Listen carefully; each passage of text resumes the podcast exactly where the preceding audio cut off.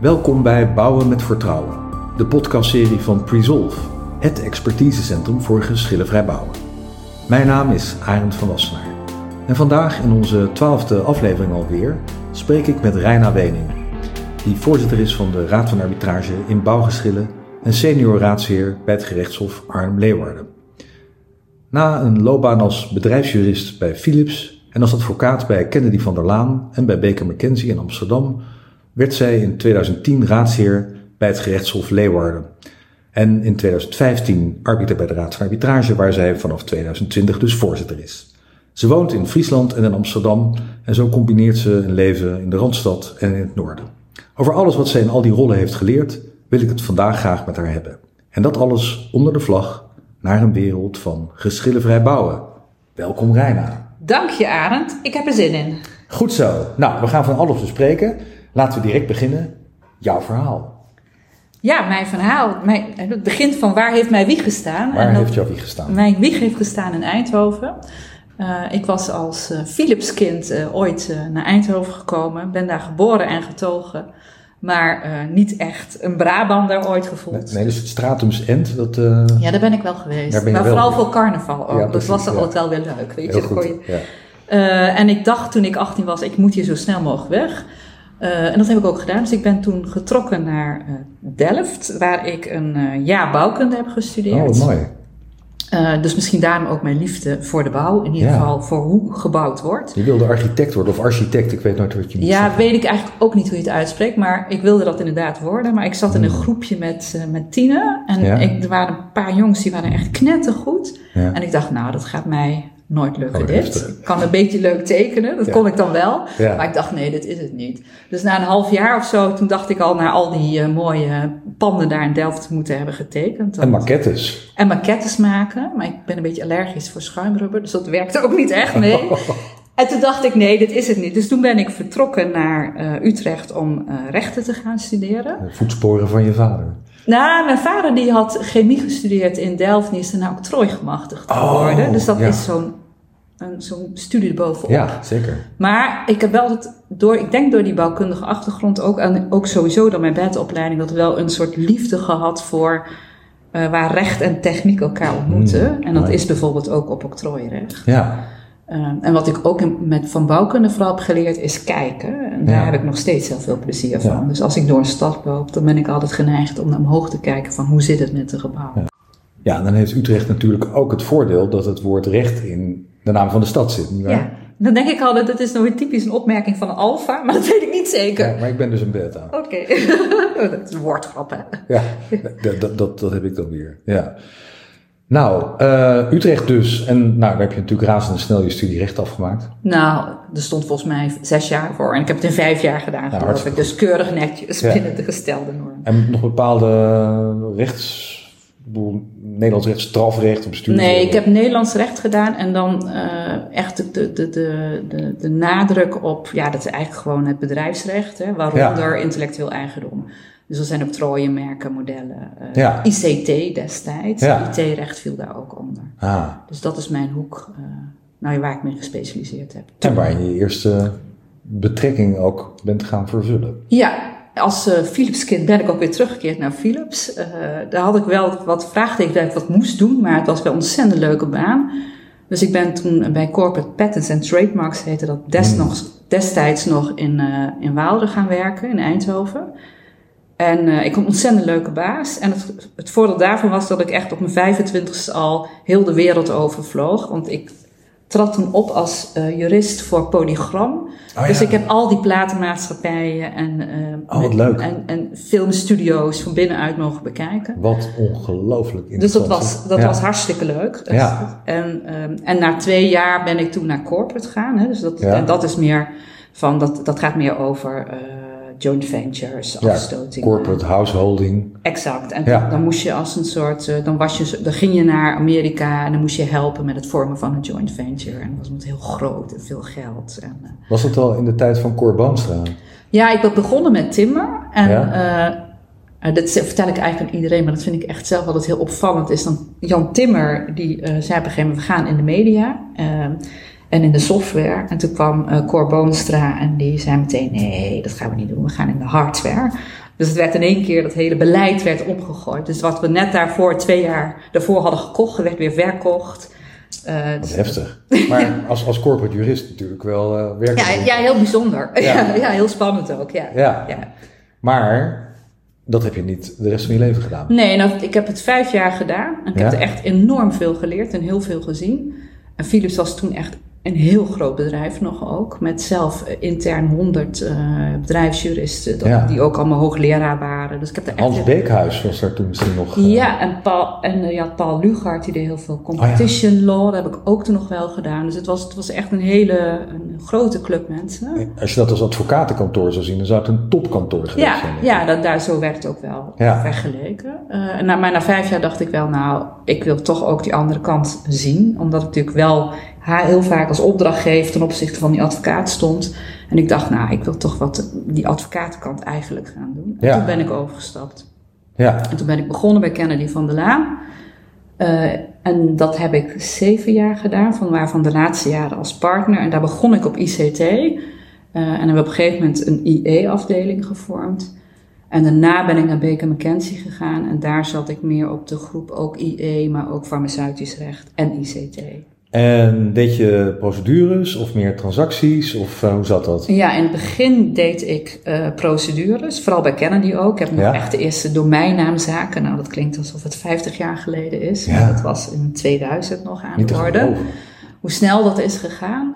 Um, en daarna ben ik wat meer in de transactieachtige zaken terechtgekomen, waarbij ik veel meer als uh, bemiddelaar uh, contracten schreef of contracten uit onderhandelde of adviezen gaf. Uh, ja. dus, dus minder op het, uh, nou ja, op, op, op het vechten, zeg maar. Nee, want dat wou ik net vragen, want Reina, ik was in die tijd ook advocaat. Stel, ik zou jou in de rechtszaal zijn tegengekomen had ik dan een hele harde tijd gehad. Was, was ik alle hoeken van de rechtszaal dan gezien. Nou ja. Was ik gewoon heel scherp en met gestrekt been erin? Of hoe? Nee, ik, ik was wel scherp, maar fair, zeg ik dan voor mezelf. Ja. Dus ik ging niet, want mijn eerste ervaring met een advocaat, ik ga de naam niet noemen, maar het was mijn eerste kort geding. Ja. Die zei even voordat we de zaal in gingen, hier mevrouw Wening, heeft u nog wat stukken? En dan ging die zich dan in beroepen tijdens het kort geding. En ik had natuurlijk niet gezegd, nee, geef die nu maar niet, maar geef die straks maar. Dus die behoorden dan in één keer tot het procesdossier. Tot het procesdossier, terwijl ik dat nog helemaal niet had bekeken. Dus zo advocaat was ik niet. Oeh.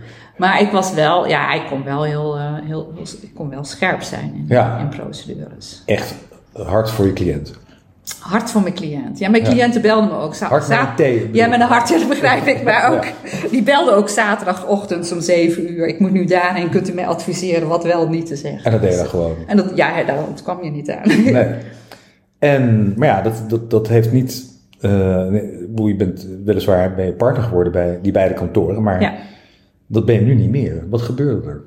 Nou, op een gegeven moment um, kreeg ik toch het gevoel. Nou, het, het, zijn eigenlijk twee dingen die dan samenkomen. Je, je, je, krijgt te veel het gevoel dat, je, dat het leven door de cliënt wordt bepaald. Hè? Dus dat hij inderdaad om zeven uur belt en dat je dan moet antwoorden. Of dat je net in het vliegtuig instapt en nog snel iets uh, gedaan moet worden. Dat, daar had ik op een gegeven moment wel nou, dan krijg je op een gegeven moment een beetje genoeg van. Ja. Um, en wat ik ook lastig vond, is dat je op een gegeven moment dat vechtersinstinct, wat je wel moet hebben om een zaak te willen winnen eigenlijk, dat verlies je. In ieder geval, dat is bij mij zo wel met de jaren. Dus in het begin wil je heel graag je bewijzen in die zaak ja. van ik ga winnen voor mijn cliënt. En als je zelf wat, uh, wat ouder wordt en misschien daardoor wat gematigder, dan denk je van nou, dat vechten, laten we op zoek gaan naar het redelijke midden. Ja, want je kreeg ook oog voor de belangen van de andere kant. Ja, ja en dan dacht ja. je ook van moeten we nou wel gaan procederen? Kunnen we niet veel beter kijken of je samen een oplossing uh, ja, want, voor krijgen? Had jij dan ook, wat mij ook wel heel bekend voorkomt, dat je denkt ik schrijf de processtukken eigenlijk niet voor die rechter, maar eigenlijk alleen voor de cliënt?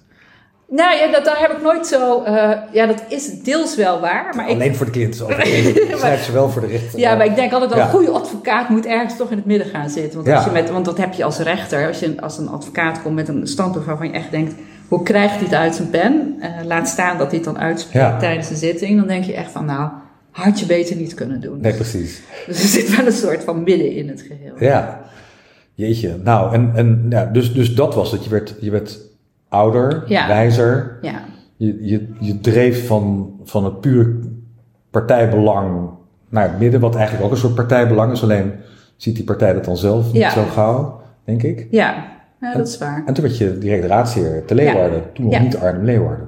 Nee, toen alleen nog Leeuwarden. Maar ik werd wel gewaarschuwd door de toenmalige president. Die zei, let op, het kan wel zo zijn Ja. dat we... Want het speelde toen wel al. Dat het een fusie zou worden.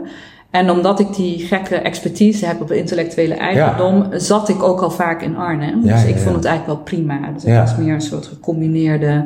Ik zat niet heel vaak in Arnhem. Maar ik vond het wel leuk om die verschillende culturen te zien. En, eh, En, en had je toen ook al je huis in, in Friesland? nou ja, ja, die had ik. Eh, dat is ook een heel lang verhaal, maar dat zal, zal ik maar niet vertellen in deze Ja, podcast. was dat iets met geschillenvrij bouwen te maken? Nee, Zo- nee, dat had gewoon te maken met een zeiltocht en dan een huis tegenkomen. Denken, hé, hey, wat een leuk huis, Oh, dat, ja. eh, dat kopen we. Nee, dat hebben we in 2008 gekocht. Hmm. Eh, en toen, woonde, toen werkte ik nog wel in Amsterdam. En op een gegeven moment is die combinatie waarvan je denkt, nou, laat ik maar eh, lekker in Friesland gaan wonen. Het is dan ook wel echt heerlijk. Goh, nou, en dan eh, sinds 2015 arbiter geworden. Het is trouwens opvallend hoeveel raadsheren uit Leeuwarden Ja, arbiter zijn. Ik ben er zelf eigenlijk ook een, ook al Ja. een plaatsvervangende ja. dat is natuurlijk omdat we in Arnhem-Leeuwarden heel veel kennis hebben van bouwrecht, zeg ik dan maar. Dat is ook zo. En, en ook omdat mijn voorganger natuurlijk ook een raadsheer was uit, eh, uit, eh, uit het gerechtshof Leeuwarden. Ja, Klaas Mollema. Ja, Precies. ja, maar het is ook echt zo dat we heel veel bouwgeschillen hebben. Ja, nou als je kijkt naar jurisprudentie op het gebied van bouwrecht, dan is er vrij veel afkomstig uit Arnhem en Leeuwarden. Ja. Leeuwarden voorop dan. Ja. Heel, echt wel leuk, wordt ook veel geciteerd. Ehm, maar laten we gewoon nu overgaan naar de Raad van Ja. Arbitrage, die ooit nog op een dag heette de Raad van Arbitrage, van Arbitrage voor de bouwbedrijven in Nederland. Ja, Meerdere naamswijzigingen heeft ondergaan, maar sinds jij er bent, de voorlopig laatste. nou ja, dat weet je nooit, maar Ja. niet zo, zolang ik er zit wel, denk ik. Ja. Ja, nee, dat hebben we dus gewijzigd in de Raad van Arbitrage inbouwgeschillen. Ja, En dat heeft ermee te maken dat dat voor de, hè, van als je zegt ik ben voor PSV bijvoorbeeld, dan Ja. geeft dat aan waar je een voorkeur voor hebt. dat zou in jouw geval trouwens kunnen. Nee, dat zou kunnen. Ja, ik ben alleen niet zo'n voetbalfan, maar het zou kunnen. Maar dat voor de, daar, daar zat al iets in van ik ben ergens voor. Ja, terwijl je Eh, en-. En zeker voor de bouwbedrijven, hè, met die associatie, die- die wilden we eruit halen. En dat heeft er ook mee te maken dat in 2006 de samenstelling van de raad, wat die toen al ook meer dan 100 jaar, of net geen 100 jaar bestond, eh, is gewijzigd doordat in het bestuur naast eh, mensen vanuit eh, de aannemerskant, opdrachtgever, ook de opdrachtgeverskant gaan participeren en de adviseurs. Ja, En die moeten zich ook nou ja, gehoord voelen of Ja. thuis voelen in die naam. Dus vandaar Ja. dat voor de bouw in bouwgeschillen. ja, ik vind het een hele mooie... Het is een nuance, maar ik denk Ja, het is wel belangrijk. Een belangrijke nuance, want er zijn ooit proefschriften geschreven waar de onpartijdigheid van de raad ter discussie werd gesteld, die ook in parlementaire enquêtes nog eh, ernstig eh, gevolgen hebben gehad, waarna nou, hele grote gevolgen voor de raad en aanbestedingsgeschillen, et cetera. ja, En vervolgens nog steeds dat eh, vaak de gewone rechter bevoegd is, wordt door vooral overheden bevoegd wordt verklaard in UAV en UAV-GC-geschillen. Hoe dan ook. Wat heb je allemaal gedaan? Want je bent een rondgang gaan maken langs de velden, zoals dat dan heet. ja. Ja, ik heb eigenlijk dat, hè, wat, wat men dan natuurlijk populair zegt, hè, dat 100 dagen, die heb ik gebruikt om daadwerkelijk langs de velden te gaan. En dat zijn eigenlijk dan die velden eh, die ik al net noemde. Hè. Dus dat zijn Ja. opdrachtgevers waar ik mee gesproken heb. En ook wel advocaten van eh, opdrachtgevers, vooral ook de publieke opdrachtgevers. eh, aannemers gesproken. Ik heb mensen van economische zaken gesproken, van Bouwend Nederland. Eh, vanuit de wetenschap. En dan allemaal voor mezelf ter gedachtebepaling. Waar staat die raad nu eigenlijk? Ja, En hoe wordt de raad door anderen gezien? een soort 360 graden feedback van de raad. Ja, Ja. ja. en ook omdat ik zelf nog maar net in die functie stapte. Dus ik voelde mij ook niet geremd om daar ook gewoon heel open eh, Ja. vragen over te stellen. God, geeft u maar aan. Wat vindt u nu van die raad? Wat vindt u van de kwaliteit? Eh, is, doen ze voldoende voor de markt? Of zou daar nog wat meer eh, plaats kunnen vinden? Nou, dat is wat ik heb gedaan. Ja, Eh, en op grond daarvan heb ik een eh, verslag gemaakt voor Ja. het bestuur met een aantal aanbevelingen. Ehm, en nou dat is eigenlijk waar ik mee bezig ben geweest. En die aanbevelingen hebben enerzijds te maken nou, met die naam en de reputatie van de raad. En anderzijds ook met de positie van de raad. Van waar staan we nou eigenlijk? We hebben, de raad is van oudsher, heeft hij zich gepositioneerd als een geschilbeslechter aan het eind van een project. Mhm. Net zoals je dan, en dan treed je eigenlijk directe concurrentie met een rechtbank. ja, Terwijl ik denk van, de raad zou er goed aan doen Ehm, en dat is ook wel getoetst nu, dat dat ook met arbiters die uit het veld komen, dat we eigenlijk veel eerder in het project ehm, onze diensten zouden kunnen verlenen. Ja. Niet als iemand die eh, adviseert, maar gewoon iemand die een, een, een organisatie eh, die toegankelijk is en laagdrempelig eh, bindend kan adviseren, hè, be- be- beslispunten kan, op punten kan beslissen waar partijen dan toch, ondanks dat ze zelf proberen eruit te komen, niet proberen uit te Ja, komen. want er waren natuurlijk al wel een paar van dat soort procedures. Ja. Zoals bijvoorbeeld plaatsopneming. Ja, Gewoon iedereen kon vragen, Ja. gaan we Ja. een project. En Fast Track sinds 2016. ja. Ja, nou dat fast track, dat gaan we aanpassen. Ja. Eh, de ervaring leert eh, dat daar niet zo heel veel gebruik van is gemaakt tot nu toe. Eh, en als je daar met advocaten, want daar heb ik ook allemaal elk jaar een ronde tafelgesprek mee. Mhm. Van advocaten leer je ook, het is toch nog wat ingewikkeld opgetuigd. Ja, en ook opdrachtgevers geven dat wel aan. Ze gaan het versimpelen. In die zin dat er komt een eenvoudige vorm fast track. Met één adviseur voor eenvoudige geschillen tegen een vaste prijs. Bindend, altijd. ja, En dan gaan we de fast track die we nu hebben, die gaan we iets ombouwen. wa- eh, waardoor we een variant krijgen tussen richtinggevend bindend advies. Dus dan is het, of nee, sorry, Ja. ik zeg het verkeerd. Richtinggevend of of bindend. precies. En dan moet je dat van tevoren aangeven. Ja, en als je, je kunt niet halverwege de rit nog de wissel omgooien en zeggen: Oh, Nou, als partijen dat. alsnog maar richtinggevend. Want, Nee, eh, nou ja, dat, dat, dat zou ik eigenlijk, daar ben ik niet zo voorstander Nee. van. Ik denk dat het goed is dat je een soort duidelijkheid vooraf creëert. Ja. Dat partijen dan ook weten waarvoor ze kiezen. Ja. En misschien zou, gaat dat wel betekenen dat er heel vaak voor richtinggevend wordt gekozen. ja, En als partijen dat dan willen naleven, is dat hartstikke mooi. Maar als ze zeggen, ja, uiteindelijk zijn we daar toch niet gelukkig of tevreden mee. Meestal één partij die dat, zich Mhm. daar dan niet in kan vinden, soms ook beide hoor.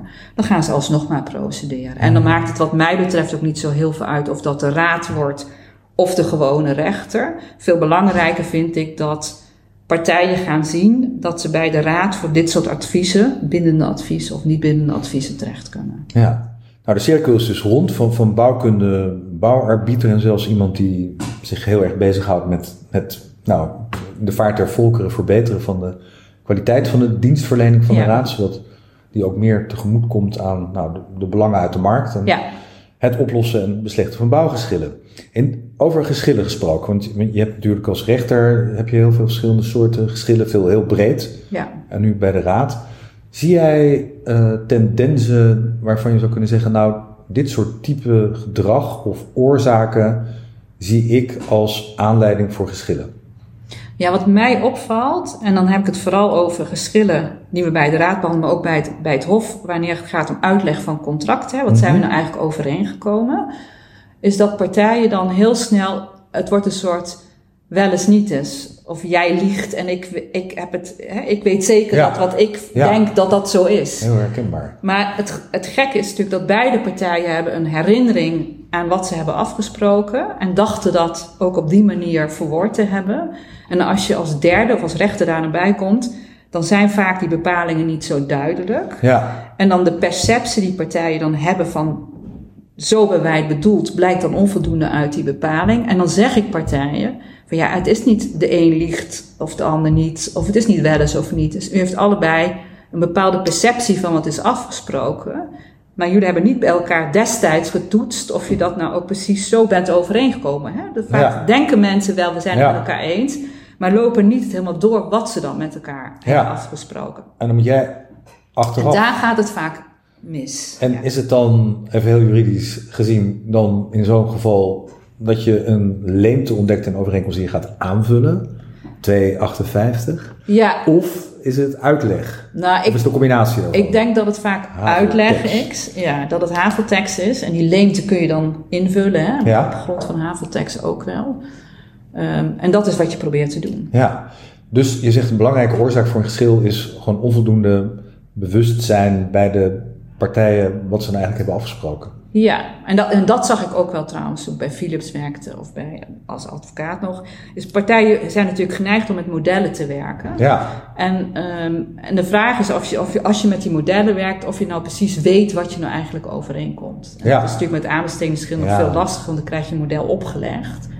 Maar eigenlijk zou je met elkaar moeten doorexerceren. Gewoon een middag nemen of een paar dagen nemen. Gewoon echt even door te Gewoon lopen. doorheen te lopen. Hebben we nu alles eh, Ja. voldoende verwoord? En dat geldt niet alleen tussen partijen onderling.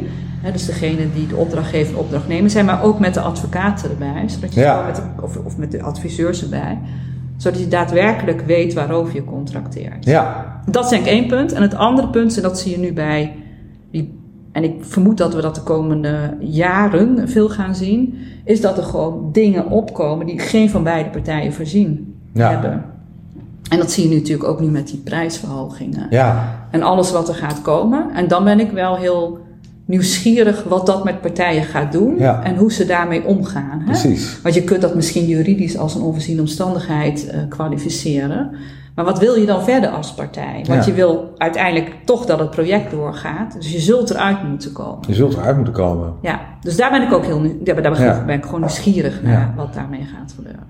Die partijen die ehm, uiteindelijk dan bij de raad of bij een rechter, zeker het rechtshof uiteindelijk komen, die hebben advocaten die hen vaak vertellen wat mogelijk hun kans is in zo'n procedure. Ja.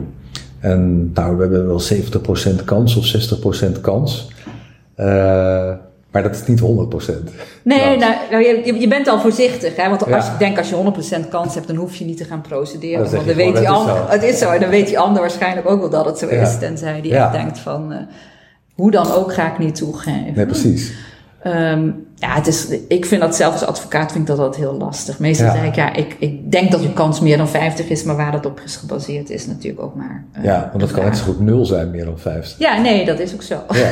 Want als je verliest, verlies je. Dus, Ja, want misschien is het wel aardig voor de luisteraars naar deze podcast. Want wij, nou ja, jij, jij doet het beroepshalve en ik doe het gewoon regelmatig, maar en dan ook even beroepshalve, maar, maar een klein beetje. Ik, het valt mij altijd op, eh, en dat is me eigenlijk gaan verbazen de afgelopen jaar, maar ook gaan verheugen, omdat het zo leuk is. Als je die raadkamer dan inkomt, waar je dan met z'n drieën zit. Ik heb het even niet over unus, want dan Ja. moet je linker en je rechter hersenlop moeten dan eh, met elkaar in raadkamer. Maar als je dan zo zit, heb jij dat dan ook? Dat, eh, dat je van tevoren een soort idee had van zo zou het wel kunnen gaan. En dan heb je dingen gehoord tijdens die zitting. Of je hoort je collega, raadsheren of arbiters iets zeggen. En plotseling denk je, misschien zit het wel heel anders.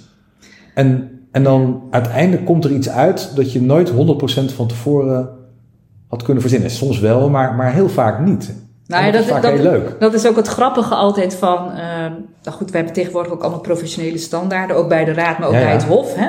Dus dan maak je afspraken hoe je een zaak voorbereidt. Dus je wil elkaar niet van tevoren te veel beïnvloeden. Precies. Eh, maar je gaat natuurlijk wel met elkaar praten. Wat zijn nou de geschilpunten? Ja, Ehm, wat ik zelf leuk vind is om er zo open mogelijk in te gaan. Ja, dus precies. echt, echt gewoon te lezen en gewoon eens te denken, nou ik ben zo benieuwd naar wat partijen gaan vertellen. ja, Maar het kan wel zo zijn dat op zo'n zitting iets waarvan je dacht dat het zo zijn gegaan, in één keer heel anders blijkt, heel te, anders zijn blijkt te zijn gegaan. Ja, En wat ik wel leuk vind aan de rechtelijke macht nu, dat is denk ik wel veranderd de afgelopen tien jaar, is dat we ook echt veel meer op zoek gaan van nou, wat is er nu echt feitelijk aan de hand. precies. En, en bij zo'n zo raad van arbitrage nog meer, denk ik, omdat je daar meer tijd hebt om echt door te, te praten met partijen. Wat is hier nu gebeurd? En waarom? Ja. Wat is nou de trigger geweest dat partijen er niet uitkomen? Of Ja. dat dit zo escaleert? Want Ja. dat is vaak ook. eh, En dat blijkt soms ook wel veel emotie te zijn, hè? ja.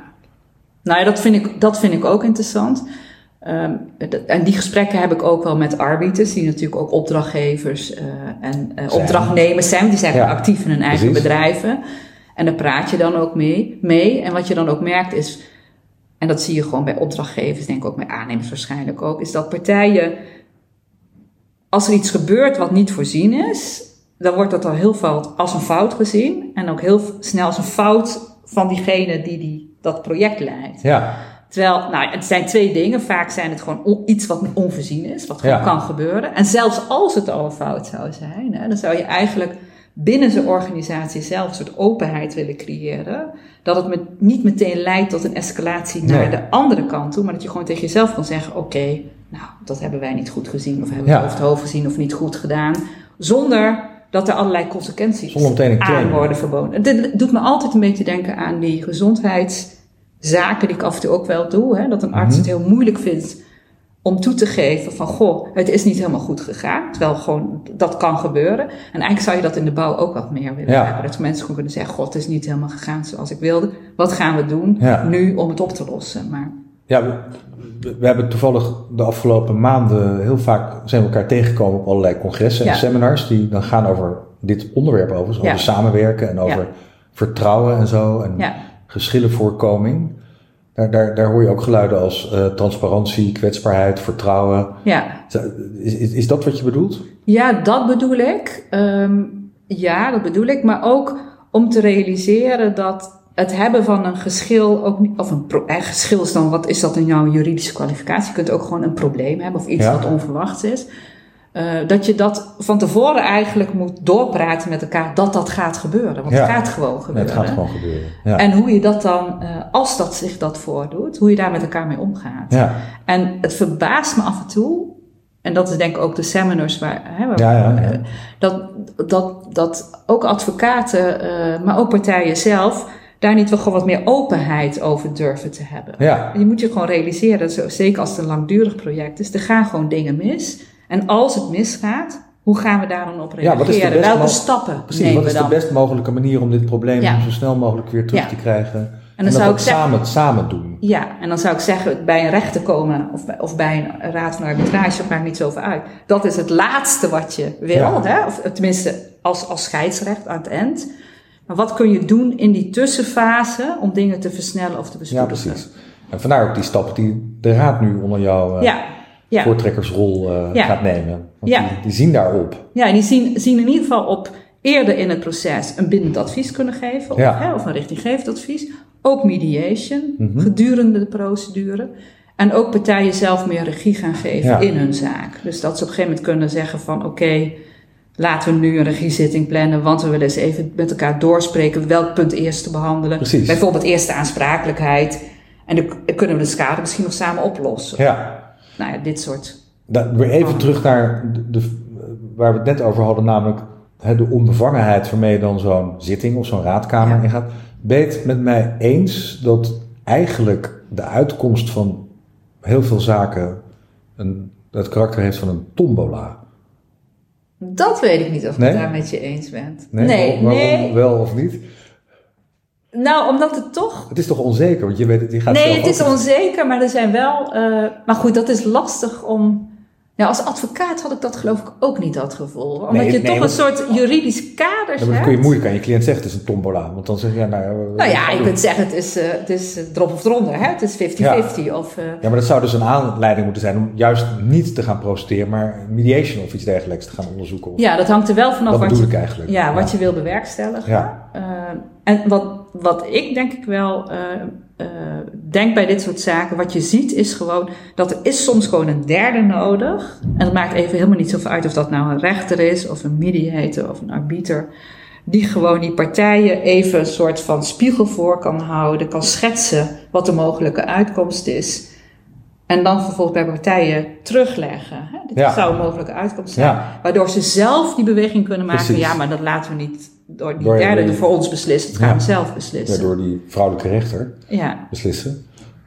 Want dit is een bruggetje voor mij, de vrouwelijke rechter, naar nog een onderwerp dat ik ook nog graag met je zou willen bespreken. Jij bent vrouw. ja. En heb je zelf in je carrière gemerkt dat het zijn van vrouw voordelen biedt, nadelen biedt, eh, noodzaak met zich brengt om harder te lopen dan mannen die hetzelfde zouden moeten doen? Is dat, is dat iets waar je iets mee hebt of zeg je, nou ja, ik heb gewoon mijn werk gedaan, maakt me allemaal niks uit.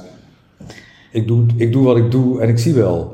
ja, nou ik ben heel erg opgevoed van je moet je kwaliteiten benutten. Ja. Eh, en daar mooi. speelde, speelde eigenlijk geen rol bij dat ik man of vrouw was. Tenminste, dat gevoel kreeg ik van mijn ouders. Ja, Eh, dus ik heb zelf dat gevoel nooit zo gehad. Ja, Ehm, en ik heb zelf ook altijd wel hard gewerkt, moet ik eerlijk zeggen. Mhm. Eh, over het algemeen ook wel fulltime. Dus ik heb het zelf niet zo gemerkt, maar je, ja, je ziet het wel om je heen dat sommige mensen daar last van hebben. ja, Ehm, ik heb daar zelf minder, oh fijn. minder mee gehad, denk ik. Een ander aspect van het vrouw zijn, eh, merk je dat eh, vrouwen in bijvoorbeeld arbitrage, rechtelijke macht of voor zover je het kunt zien in de bouw, want dat zie je natuurlijk ook, leidt tot een ander soort dynamiek. Eentje die hopelijk meer geschillenvrij is dan zouden het alleen maar mannen geweest zijn. Ja, dat, dat, er zijn, er zijn hele interessante onderzoeken over. Ja. hè? En dat, dat vrouwen ook wat voorzichtiger zijn. Dus als de hele financiële wereld de vrouwen zou worden geleid, dat het wat minder eh, risico's aan zouden Precies. zitten. Ik weet het niet helemaal zeker. Wat ik zelf wel belangrijk vind, is dat een, eh, een scheidsgerecht een afbeelding moet zijn van de maatschappij. Dus Ja. tegenwoordig werken er volgens mij in de meeste bedrijven evenveel vrouwen als mannen. Ja. Dus vind ik eigenlijk ook dat zo'n scheidsgerecht gewoon uit mannen en vrouwen moet Ja. bestaan. Ook om dat gewoon afspiegeling te laten zijn. En ook om daar wel, ik denk wel dat de dy- dynamiek anders kan zijn. Ja. Eh, of dat nou beter of slechter is, weet ik niet. Ik denk dat het ook niet. eh, dat, dat, dat voorbeeld van wat je wel eens hoort van mannen die in een echtscheiding zitten en tegenover vier vrouwen terechtkomen en zich en, en ongelukkig voelt. Eh, en dat is denk ik omgekeerd ook zo. Dus Ja, ik zeker. denk dat het gewoon een soort gelijkmatige samenstelling moet zijn. Van, En dan, dan zeggen we nu vrouw, man, maar je kunt het misschien nog wat breder trekken. Diversiteit in zijn algemeenheid. Als je het hebt over een afspiegeling van de maatschappij. Ja. Ja. Zou, er dan, zou je in de raad dan ook actief aandacht willen besteden aan het benoemen van nog meer vrouwelijke arbiters? Ja, bijvoorbeeld. En Ja. ook, eh, ook, want vrouwelijke juristleden zijn er behoorlijk veel. Hè? Ja, Maar het gaat natuurlijk ook om deskundigleden. Precies, om de technici, Eh, ja. deskundigen. en, en het grappige is wel dat je nu zit de benoemingen, benoemingen die ik heb gedaan de laatste twee jaar, daar zitten toch heel veel vrouwen bij. Oh, leuk. Eh, vooral vanuit ook de adviseurskant. Ehm, dus je, je ziet wel meer vrouwen komen. Ja. Bijna, we komen langzaam maar zeker aan het einde van het ongelooflijk interessante interview. Misschien is het leuk voor de luisteraars om ze te vertellen. eh, dat had ik namelijk niet bij mijn inleiding gaan. Jij bent inmiddels ook lid van Presolve. Ja, Het expertisecentrum voor Wat? geschillenvrij bouwen. ja. Ja, wat, wat zie je daar als toegevoegde waarde voor jezelf? Wat, wat, wat wil je daarmee... Ik, ik, ik ben lid van Presolve. Ik vind het heel, erg- heel erg leuk dat je daar lid Ja. van bent geworden. Ja. Maar- Nou, eh, wat het aardige daarvan vind ik dat je dan de gehele keten opnieuw ook Precies, ziet terwijl je ja. met elkaar bespreekt. ja, En want ik, ik heb het wel besproken met, eh, in mijn eerste 100 dagen rondje. Maar Ja. nu zit je aan tafel met mensen die vanuit die verschillende eh, expertises komen. ja, Dus nu zit ik aan tafels met mensen die uit de aannemerij komen. of als opdrachtgever acteren. ja. dus wetenschap. of wetenschap. En dat maakt het aardig. Ja, leuk, ik. Dus dat vind ik de toevoeging. Ja, En dan kunnen we natuurlijk heel lang gaan praten over of geschillen vrij bouwen. eh, of dat nou het ultieme doel is. heel erg duurzaam. Ja, ja misschien een geschillenvrij. ehm eh, waar je denk ik ehm, naartoe moet, is dat je moet ja, je kunt streven naar geschillenvrij bouwen, maar dat vereist denk ik wel dat je met elkaar doorspreekt dat geschillen op zich ook niet eng zijn. Dus Ja. dat het ook niet iets is om bang voor te zijn. Nee, dat is ook niet. Een van de andere Presolve-leden die ook in deze podcastserie zit, Malcolm Aalstein, Ja, die heeft in dit verband het gehad over dat iedereen eigenlijk conflictcompetent zou moeten zijn. ja.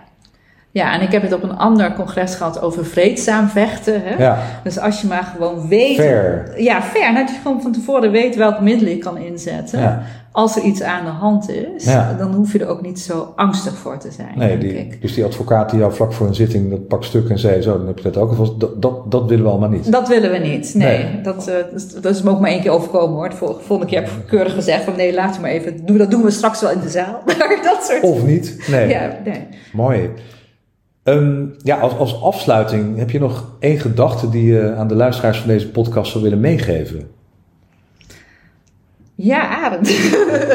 Welke gedachte ik zou mee... Nou ja, Ja. Denk, ik denk toch de gedachte van... ehm, wees niet bang eh, om het geschil aan te gaan. Ja, Maar denk daar van tevoren wel naar eh, en bespreek dat al van tevoren als Ja. je nog gewoon on speaking terms bent. Dus nog voordat je waarschijnlijk die overeenkomst sluit of net nadat je het hebt gesloten, hoe je dat dan gaat Ja. doen. Nou, dat lijkt me een ontzettend mooie afsluiting van deze, vond ik buitengewoon interessant gesprek dat we hebben gehad. Voor de luisteraars trouwens, af en toe achtergrondgeluiden. Maar we hebben de band gewoon laten doorlopen. We zitten hier aan een Amsterdamse gracht. En ja, die is gebouwd op palen, dus hier en daar wat geheim om ons heen. Maakt de stemming alleen maar leuker. Reina, ontzettend veel dank voor deze leuke podcast. Het was een heel mooi verhaal. Ik heb er heel veel van geleerd en de luisteraars vast ook. En ik vond het ook heel leuk. Graag gedaan. Hartstikke goed, dankjewel. Nou luisteraars, dit was dus aflevering 12 van Bouwen met Vertrouwen, de podcastserie van Presolve, het expertisecentrum voor geschillenvrij bouwen. Ik sprak met Reina Wening, voorzitter van de Raad van Arbitrage in Bouwgeschillen. Deze podcastserie is te beluisteren via Apple en Spotify, waar je zich hier ook op kunt abonneren. En we horen of zien u graag terug bij een volgende aflevering. En ik kan u alvast verklappen, er staat er weer een aantal hele interessante afleveringen te wachten. Graag tot dan!